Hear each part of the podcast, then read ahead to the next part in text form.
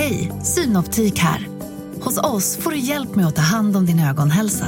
Med vår synundersökning kan vi upptäcka både synförändringar och tecken på vanliga ögonsjukdomar. Boka tid på synoptik.se. Hej och välkomna till Lisa läser. Det är jag som är Lisa och idag ska jag läsa sagan om den svarta katten. Det var en gång en mamma och en pappa. De hade en dotter som hette Karin. Pappan var skogshuggare och varje dag brukade Karin gå ut i skogen med lunch åt honom. En, en dag när hon, hon kom gående längs stigen med lunchkorgen nynnande på en munter visa fick hon syn på en svart katt. Den var inte bara svart, den var kolsvart. Åh, vad söt du är, sa Karin och böjde sig ner för att klappa katten. Kan inte du följa med mig hem och prata en stund? Det vore väl en god idé. Katten jamade instämmande så Karin lyfte upp den och lade den i förklädsfickan. Den svarta katten rullade belåtet ihop sig så att den inte syntes alls. När Karin hade gett sin pappa lunchkorgen gick hon tillbaka hem. Hon lyfte upp katten ur förklädsfickan och gav honom en skål med mjölk. Från och med den stunden var Karin aldrig ensam. Vart hon än gick tog hon med sig sin vän. Och eftersom katten var så liten och nätt så gav hon honom namnet Fjäderlätt. Fjäderlätt fanns vid Karins sida dagen lång, men varje kväll gav han sig ut på egen hand. Flickan kunde inte låta bli att undra var han tog vägen, så hon beslöt sig för att följa efter honom. Den kvällen gick Karin och la sig tidigt som vanligt och Fjäderlätt kröp ihop på golvet nedanför hennes säng. Han låtsades att han sov, men det gjorde han inte. Då och då kikade han upp på Karin för att se om hon hade somnat. Och när han var säker på sin sak tassade han bort till dörren och slank ut. Men Karin sov inte på riktigt. Den här gången hade hon låtsats. Fjäderlätt hade inte hunnit ut genom dörren förrän Karin steg upp och smög ut efter honom. Till sin stora förvåning såg hon att katten skyndade iväg längs skogsstigen som hon själv brukade ta varje dag när hon gick till sin far med lunchkorgen. Men istället för att stanna i gläntan där skogshuggaren arbetade om dagarna smög Fjäderlätt vidare. Karin följde honom allt djupare in i skogen. Plötsligt fick hon se ett ljussken mellan trädstammarna. Katten hade kommit fram till en kvarn som Karin aldrig ens hade hört talas om. Kvarnvingarna stod stilla och platsen hade verkat fullkomligt övergiven om det inte hade varit för det välkomnande ljuset som strömmade ut från fönstren. Fjäderlätt gick bort till grinden och skrapade på den. Den gled upp och katten slank in. Karin gjorde likadant. När grinden slog igen bakom henne såg hon sig omkring och upptäckte att hon stod på en gräsbevuxen gårdsplan. Dörren till kvarnen stod öppen. Ett skarpt ljussken och ljudet av röster och skratt trängde ut till henne. Karin tog mod till sig och gick bort till kvarndörren. När hon kikade in trodde hon först inte sina ögon. Kvarnen var så full av svarta katter att de knappast såg vem av dem som var fjäderlätt. Och alla katter talade precis som människor. De skrattade och pratade och lekte med torkade ärtor som de roade sig med att rulla fram och tillbaka över golvet. Katterna hoppade och skuttade så lustigt att Karin inte kunde hålla sig för skratt. Hon sjönk ner på golvet och började leka med katterna och klappa dem. Hon hade så roligt att hon inte märkte hur tiden gick. Kom, Karin, sa Fjäderlätt plötsligt till henne. Ta en handfull ärtor så går vi hem. Klockan är mycket. Sagt och gjort. Karin följde med katten ut på gårdsplanen. Det var så mörkt att hon inte kunde urskilja grinden. Karin, sa Fjäderlätt, kasta nu upp ärtorna i luften. Karin lydde och ärtorna lyste som stjärnor på himlavalvet. Med ens blev det så ljust att de utan svårighet kunde följa stigen hela vägen hem. Karin var trött och kröp genast till sängs igen. Hon sov så tungt att hon inte vaknade förrän sent nästa morgon. När hon slog upp ögonen såg hon att Fjäderlätt låg hoprullad på golvet nedanför sängen. Men han var inte helsvart längre. Han hade vita tassar. Vad fin du är! utbrast Karin och klappade i händerna. Hon tyckte att katten var sötare än någonsin med sina vita tassar. Är du inte trött i benen efter vår långa promenad? frågade hon. Miau, svarade Fjäderlätt bara.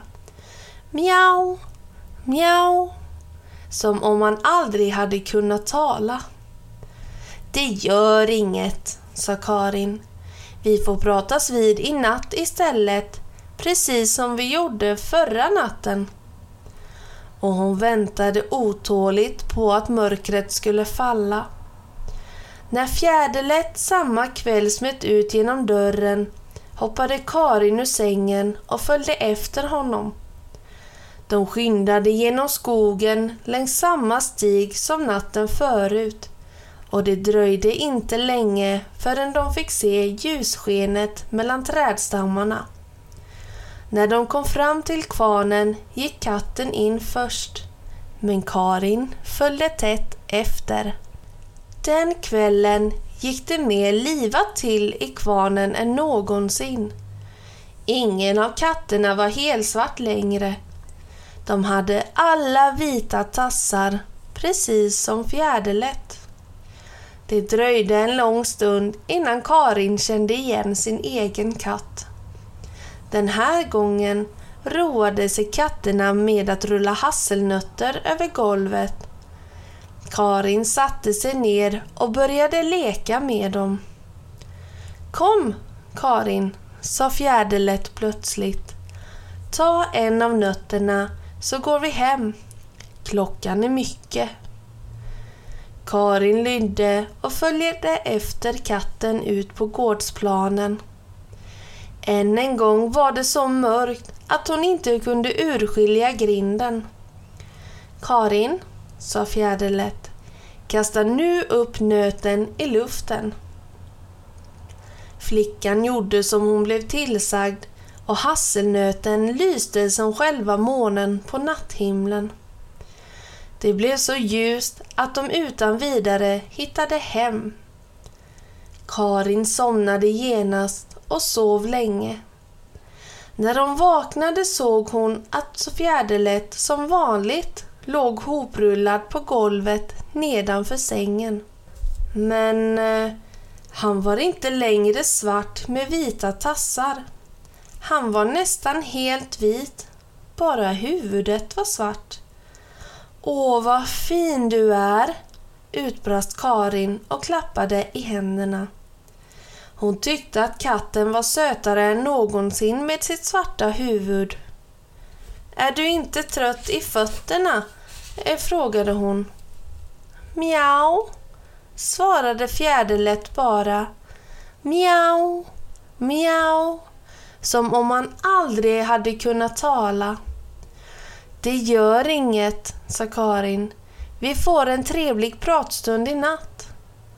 Och så fort mörkret föll skyndade katten iväg till kvarnen och Karin följde efter honom. Snart såg de ljusskenet mellan trädstammarna som vanligt. Men den här gången var allting tyst. Alla katterna såg ut som fjäderlätt. De var alldeles vita med svarta huvuden. De satt på golvet i kvarnen och sa inte ett knyst. Har du lust att hjälpa oss, Karin? frågade Fjäderlätt lågt.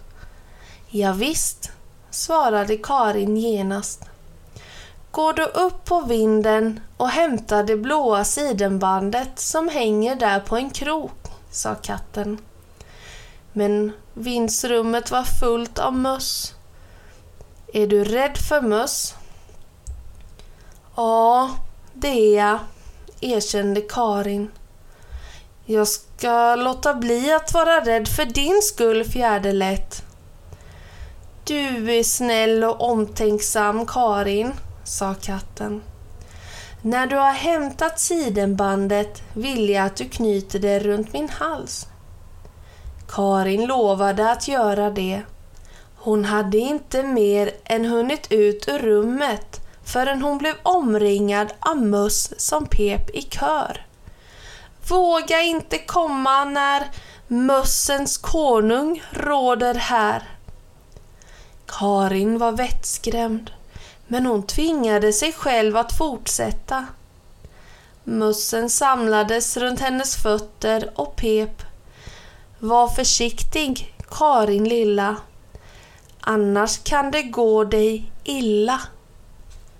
Karin satte foten på det nedersta trappsteget och när mössen skyndade mot Karin sa hon Rädd för er, det är jag ej.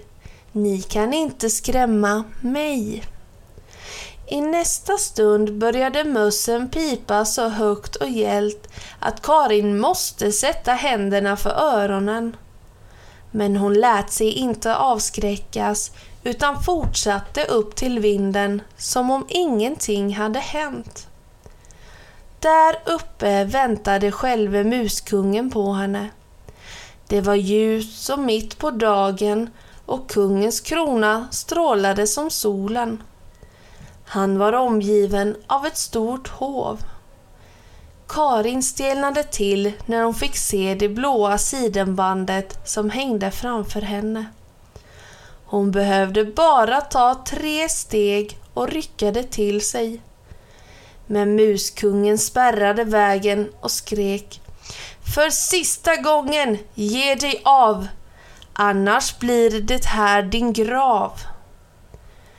Med de orden blottade han sina skarpa små tänder, precis som om han tänkte bita henne.